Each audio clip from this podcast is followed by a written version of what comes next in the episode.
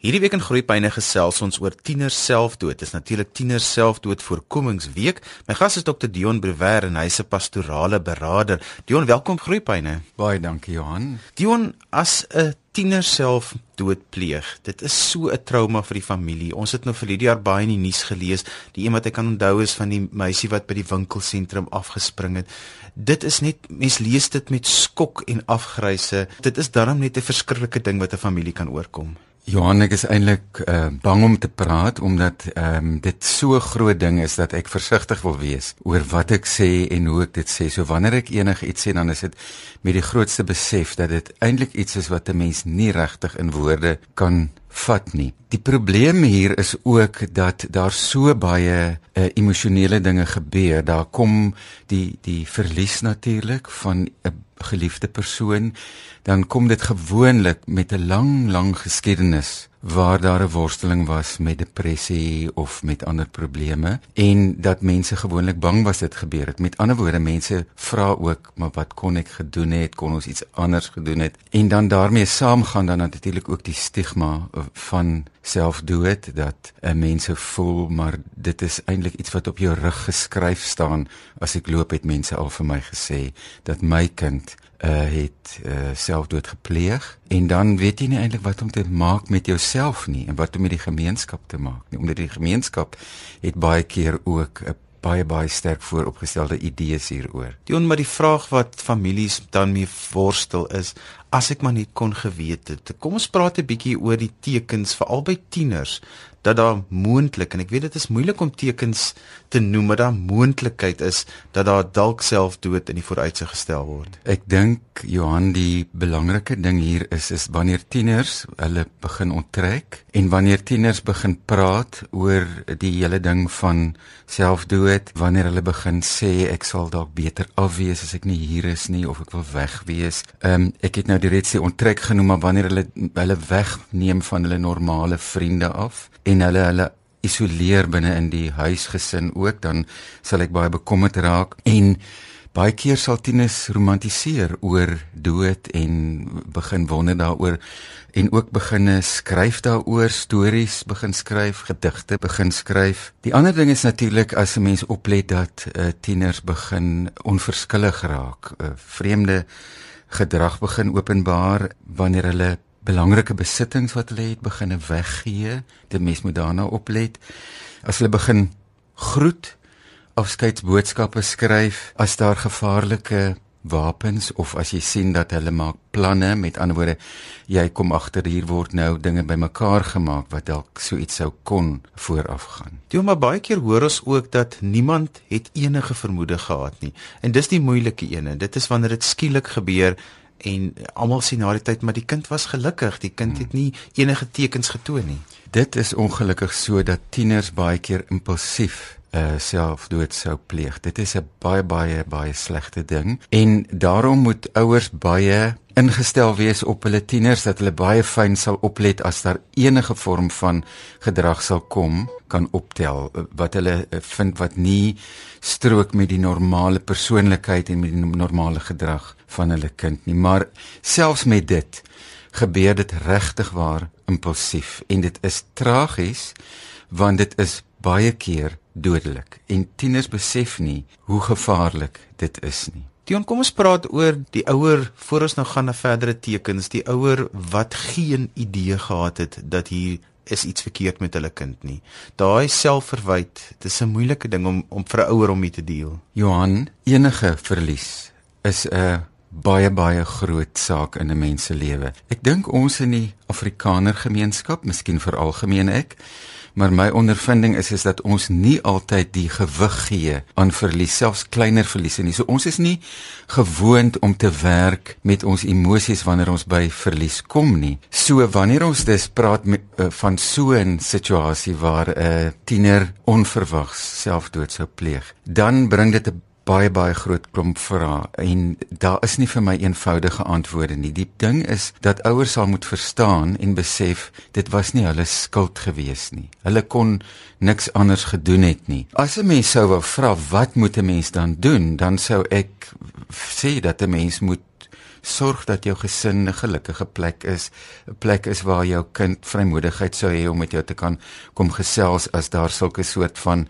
idees kom dat daar dis 'n oop verhouding met die tiener is, maar nou jy self weet hoe moeilik dit is. Kom ons praat oor depressie en selfdood want die verband, daar's altyd daar is 'n verband, maar is nie altyd 'n verband nie. Nee, daar's definitief nie altyd 'n verband nie. Daar is 'n verhoogde insidensie wanneer 'n uh, tieners uh, of kinders met depressie gediagnoseer is en selfdood. Dit dit is wel so, maar dit is nie direk nie. Dit kan gebeur dat kinders daar gebeur 'n 'n negatiewe saak by die skool en dat 'n kind dan so hopeloos raak en nie weet wat om te doen nie dat dat hy of sy dan hierdie weg volg.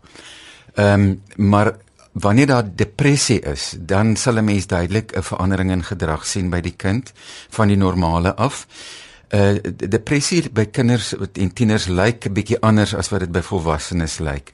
Daar is dikwels meer ehm um, aggressie en woede en uh onttrekking as wat by volwassenes gaan jy meer in hartseer, uh, moedeloosheid, uh, sadness kry terwyl by by tieners lyk dit anders. By tieners sal 'n mens ook moet oplet as hulle nie meer met hulle maats uh vriende is nie, as jy depressie vermoed Een van die ander sake is dat die skoolprestasie neem definitief af wanneer daar 'n kliniese depressie is. En daar is ook 'n afname in aktiwiteit. Kinders sal hulle onttrek, hulle sal nie meer so sportief of so aktief wees nie. Hulle sal baie meer op die bed lê waarskynlik en hulle sal miskien een of twee vriende nog oorhou. So dit is waarna ouers sal moet oplet, maar die die die slegte as ons dit nou wil in verband bring met tieners selfdood is dat 'n mens kan nie vooraf sê wanneer 'n tiener dit gaan doen of nie gaan doen nie. Mens moet hoop dat die tiener met jou gaan praat en wanneer die tiener dan met jou praat, dan moet 'n mens met geweldige begrip praat en dit nie afmaak as sommer onsin nie. Die tiener moet gehoor word en die tiener moet gevalidate word. Ek sukkel altyd met hierdie woord in Afrikaans gevalideer. Dit werk ook nie vir my nie, maar erken word dat die tiener deur 'n baie moeilike tyd gaan. En dan moet daar hulp gebied word vir die tiener, dan moet aan die tiener geleentheid gegee word om met iemand wat hy of sy vertroue onderwyser of 'n dokter of 'n sielkundige of 'n dominee of wie ook al moet die tiener bereid wees om te praat as die ouer nie self daaroor sou wou praat nie. Die wanneer die realiteit is as iemand selfdood wil pleeg, is dit baie moeilik om hulle te keer. Ja, dit is ongelukkig so wanneer dit so is dat die persoon nie meer wil lewe nie dan is dit baie sleg. En die die ongeluk is wanneer 'n mens van buite kyk. En dit het pasiënte vir my geleer, dan raak die dood so aanloklik en so aantreklik dat dit amper 'n stem is wat jou roep. En mense raak bang vir hulle eie gedagtes en hulle eie idees. So dit is 'n baie donker plek waar 'n mens jou bevind. So ons moet met baie deernis kyk na wanneer mense in daardie posisie kom. Ek het ook gevind dat mense nie noodwendig wil dood wees nie. Maar mense wil nie meer in die slegte omstandighede wees waarbinne hulle self bevind nie. So dis eintlik meer 'n vlug na iets beters, maar mense weet nie hoe om dit beter te maak nie. En natuurlik wanneer 'n mens met iemand praat wat met hierdie idees worstel, dan is een van die sake dat 'n mens sal probeer om die begrip te bring dat op die oomblik voel dit so maar dit is nie noodwendig dat dit oor 'n tyd nog altyd so sal wees nie. En dat 'n mens aan mense ook sal verduidelik dat jy nie iets moet doen wat jou die geleentheid ontneem om weer beter te word nie. Maar dit is natuurlik baie keer nie vir die ander persoon om dit te verstaan nie. Jy luister na Groepyne saam met my Johan van Lille. Ons gesels vandag oor 'n baie ernstige onderwerp en dit is tiener selfdood as deel van tiener selfdood voorkomingsweek. My gas is Dr Dion Briwer en hy's 'n pastorale beraader. Dion, as ek hierdie tekens optel by tieners. Baie keer as hulle mos nou in hulle tienerjare is, dan's jy as ouer amper die laaste een met wie hulle wil gesels. Dit is so ja, maar tieners wil ook hê dat ouers moet belangstel. Dit is met navorsing bewys dat uh, tieners verkies dat die ouers op 'n manier betrokke sal wees maar nie te teenwoordig sal wees nie maar dat hulle tog daar sal wees. En ons weet dit want uh, tieners wil hê hulle ouers moet langs die rugbyveld staan of langs die hokkieveld staan. So uh, dit is die behoefte by die tiener.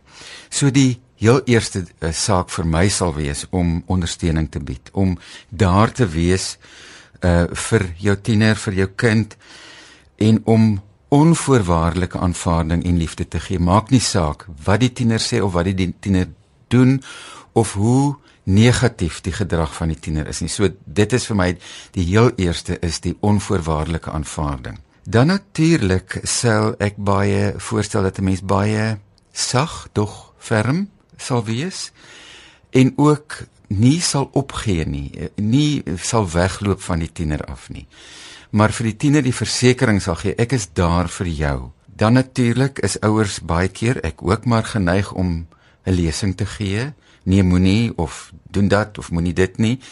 Maar ek dink om te luister sonder om te veel te probeer om te verduidelik en rigting te gee. En dan natuurlik is 'n baie belangrike saak is ook dat jy die tiener se gevoelens sal weer soos ek reeds gesê het, sal erken en ook erkenning gee dat dit geldige gevoelens is of wat die tiener eh, beleef. Ja, en dan 'n plan te maak om dan te sê kom ons gaan sien iemand, kom wat wat sou jy wou hê kry die tiener betrokke en dan gaan hulp soek. Wie sien 'n mens in so 'n geval? Wie werk met tieners wat uh, selfdoodneiging het? Ek sal in die algemeen sê vir albei tieners wanneer daar depressie is of dan nou selfdood, dat 'n mens met spesialiste na spesialiste sal gaan. Dit is met ander woorde na sielkundiges, kliniese sielkundiges, voorligtingsielkundiges wat kliniese agtergrond het en veral psigiaters. Een van die redes waarom ek die stelling maak is dat jy weet en ek dink jy het al hieroor gepraat in hierdie program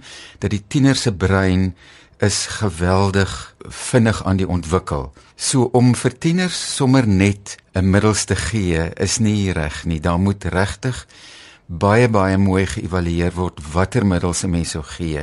En dan is die navorsing ook baie duidelik dat 'n mens nie net alleen op medikasie sal staat maak nie, maar dit veral een of ander tipe terapie, praatterapie waar die tieners uh, in 'n veilige ruimte sal kan begin werk met nuwe meganismes binne om haar self hoe om die druk wat van buite af kom te hanteer. Dion, maar as 'n mens na tienergedrag kyk, dan is hulle mos altyd tussen die twee ekstremes. Dit is alles is verskriklik erg of alles gaan baie goed. Hulle is mos nooit hier in die middel rond nie. So hoe moet ek as ouer onderskei dat dit maar net 'n ekstreme manier van uitdrukking is as deel van die tienerbrein se ontwikkeling op daardie stadium nie? Nee, maar ek dink jy ken jou kind en jy weet wat jou kind se normale gedrag is en by tienerdepressie is die meeste literatuur wat ek gelees het sal baie duidelik aandui dat daar is 'n verandering in gedrag.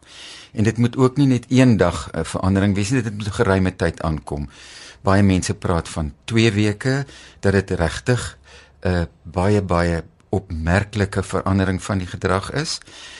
Ehm um, so as jou tiener dis 'n vrolike kind was wat baie vriende gehad het en hom of haar begin onttrek, dan sou ek bekommerd wees. Die ander ding wat ek reeds genoem het, is 'n baie duidelike aanduiding is skoolprestasie dat uh, daar is 'n baie duidelike afname in prestasie wanneer dit 'n kliniese depressie is. Daar mag natuurlik ander dinge wees wat die tiener bedruk maak, maar 'n mens sal moet onderskei tussen 'n kliniese depressie en net gewone normale storm en drang waardeur 'n tiener sou gaan. Dit gebeur baie keer dat 'n uh, depressiewe tiener in die huis iets heeltemal nuut is vir daardie familie. Die ouers het nie self sê maar iemand gaan sien of moes dalk maar het nie. Ehm um, en hulle tiener vra vir my hoekom moet ek met 'n om nou die te gebruik as die kinders sê oom en die tannie te gaan praat.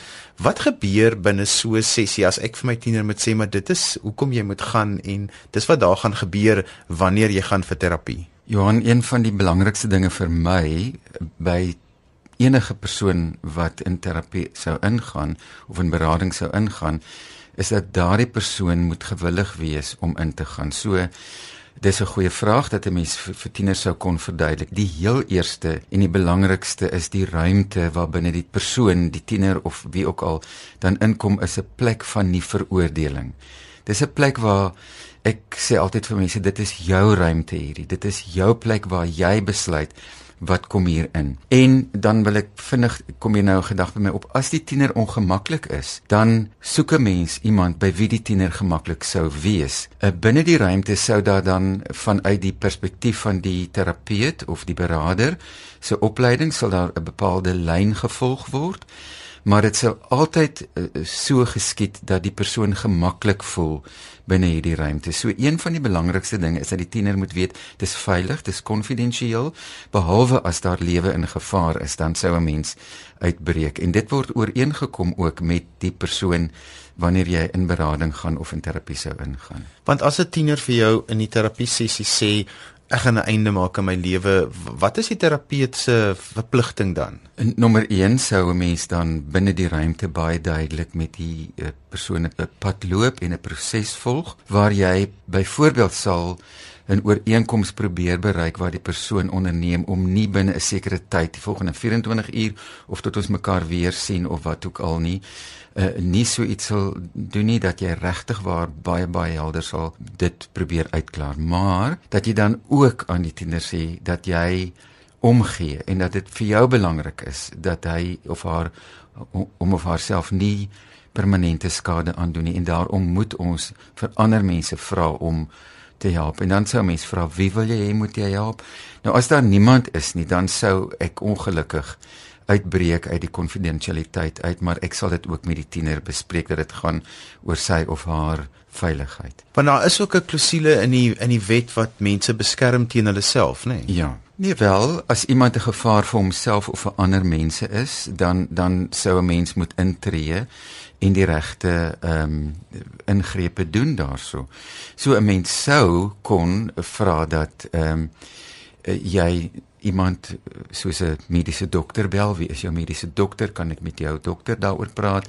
So ek sou probeer onderhandel dat ons wel iemand kry wat wat ons inroep by daai so 'n situasie. Dion baie keer dan dink mens alle terapeute werk op dieselfde manier en maar terapeute en beraders werk op verskillende maniere uit verskillende modelle uit en dit is nogal belangrik dat 'n mens moet weet op watter manier gaan die spesifieke terapeut werk met my kind of met my. Daar's twee lyne in jou vraag. Die eerste is ja, terapeute, sielkundiges werk vanuit verskillende skole want daar is 'n baie baie wye kennisveld agter sielkunde, agter pastorale terapie en dit hang af van watter skool jy kom en waarmee jy as terapeut ook gemaklik is. So dit is die een veld, dit is beslis so. Die ander is ek dink 'n mens mag jou navorsing doen oor wie jy graag sou wou hê met jouself of met ander kinders moet werk. Dit is jou reg, dit is jou voorreg om uit te vind maar by ander mense wat al by terapeute, by sielkundiges was oor hoe hulle gevoel het oor daardie mense. Maar dit is maar Eh, die bron waar mense dit gaan kry. Jy sou ook kon vra vir die persoon na wie toe jy gaan eh, watter skool volg jy, watter benadering volg jy? En veral wanneer 'n mens vanuit 'n geloofs-oortuiging kom, dan vra baie mense baie dikwels, gaan die terapeut respek hê vir my geloofs-oortuiging? En dit is geldige vrae. Ek sê altyd dat my gesondheid is my verantwoordelikheid. Dit is nie eerstens my dokter se of my terapeut se nie. So ek moet verantwoordelikheid neem vir my gesondheid en die gesondheid van my gesin. Die ons om ter afsluiting ons tyd te so te sê verby. Watse wenke gee ons vandag vir ouers wat bekommerd is oor hulle tieners, veral as hulle vermoed maar daar's dalk 'n moontlikheid van selfdood wat kan wees van die kind toon van hierdie tekens? Wel nommer 1 is die onvoorwaardelike aanvaarding en liefde en dat dit gekommunikeer sal word. Ek dink dit is baie belangrik dat as daar spanning in die huis is, dat 'n mens dit sal aanspreek. Uh, as daar spanning tussen tieners en hulle ouers is, dat 'n mens dan iemand se hulp sal inroep en dat jy ook jou tieners sal aanmoedig om met iemand te gaan praat, al is dit 'n vriend of 'n vriendin uh of ehm um, dan 'n predikant of 'n beraader of 'n onderwyser of wie ook al sodat 'n mens sal probeer om hulp van buite te kry wanneer die stelsel vasgeloop is want uh, ongelukkig is dit so as 'n stelsel vasgeloop is binne sekere patrone dan moet daar van buite af 'n ingreep kom om die stelsel te help om 'n bietjie anders te dink of ander idees te kry daaroor. En dan die onderlaaste gedagte, as hier 'n ouer vandag luister wat met die stigma van my kind het selfdood gepleeg moet leef. Wat sê ons vir daardie ouer? Sjoe, Johan. Ehm um, dit is 'n geweldige pyn wat nooit weggaan nie. Dis 'n pyn waarmee jy moet leef, maar ek dink dat 'n mens op die ou einde sou sê om te aanvaar dat jou kind hierdie keuse gemaak het en dat dit nie jou skuld was of dat jy dit nie kon verander het nie. Dis en alwaar vir ons tyd het vandag. Onthou jy kan weer na vandag se groeipyne luister as 'n pot gooi. Laai dit af by rsg.co.za. As jy met ons gaste wil kontak maak, skryf vir my 'n e-pos by groeipyne@rsg.co.za en dan sal ek vir jou die kontakbesonderhede aanstuur. daarmee groet ek dan vir vandag tot volgende week van my Johan van Lille. Totsiens.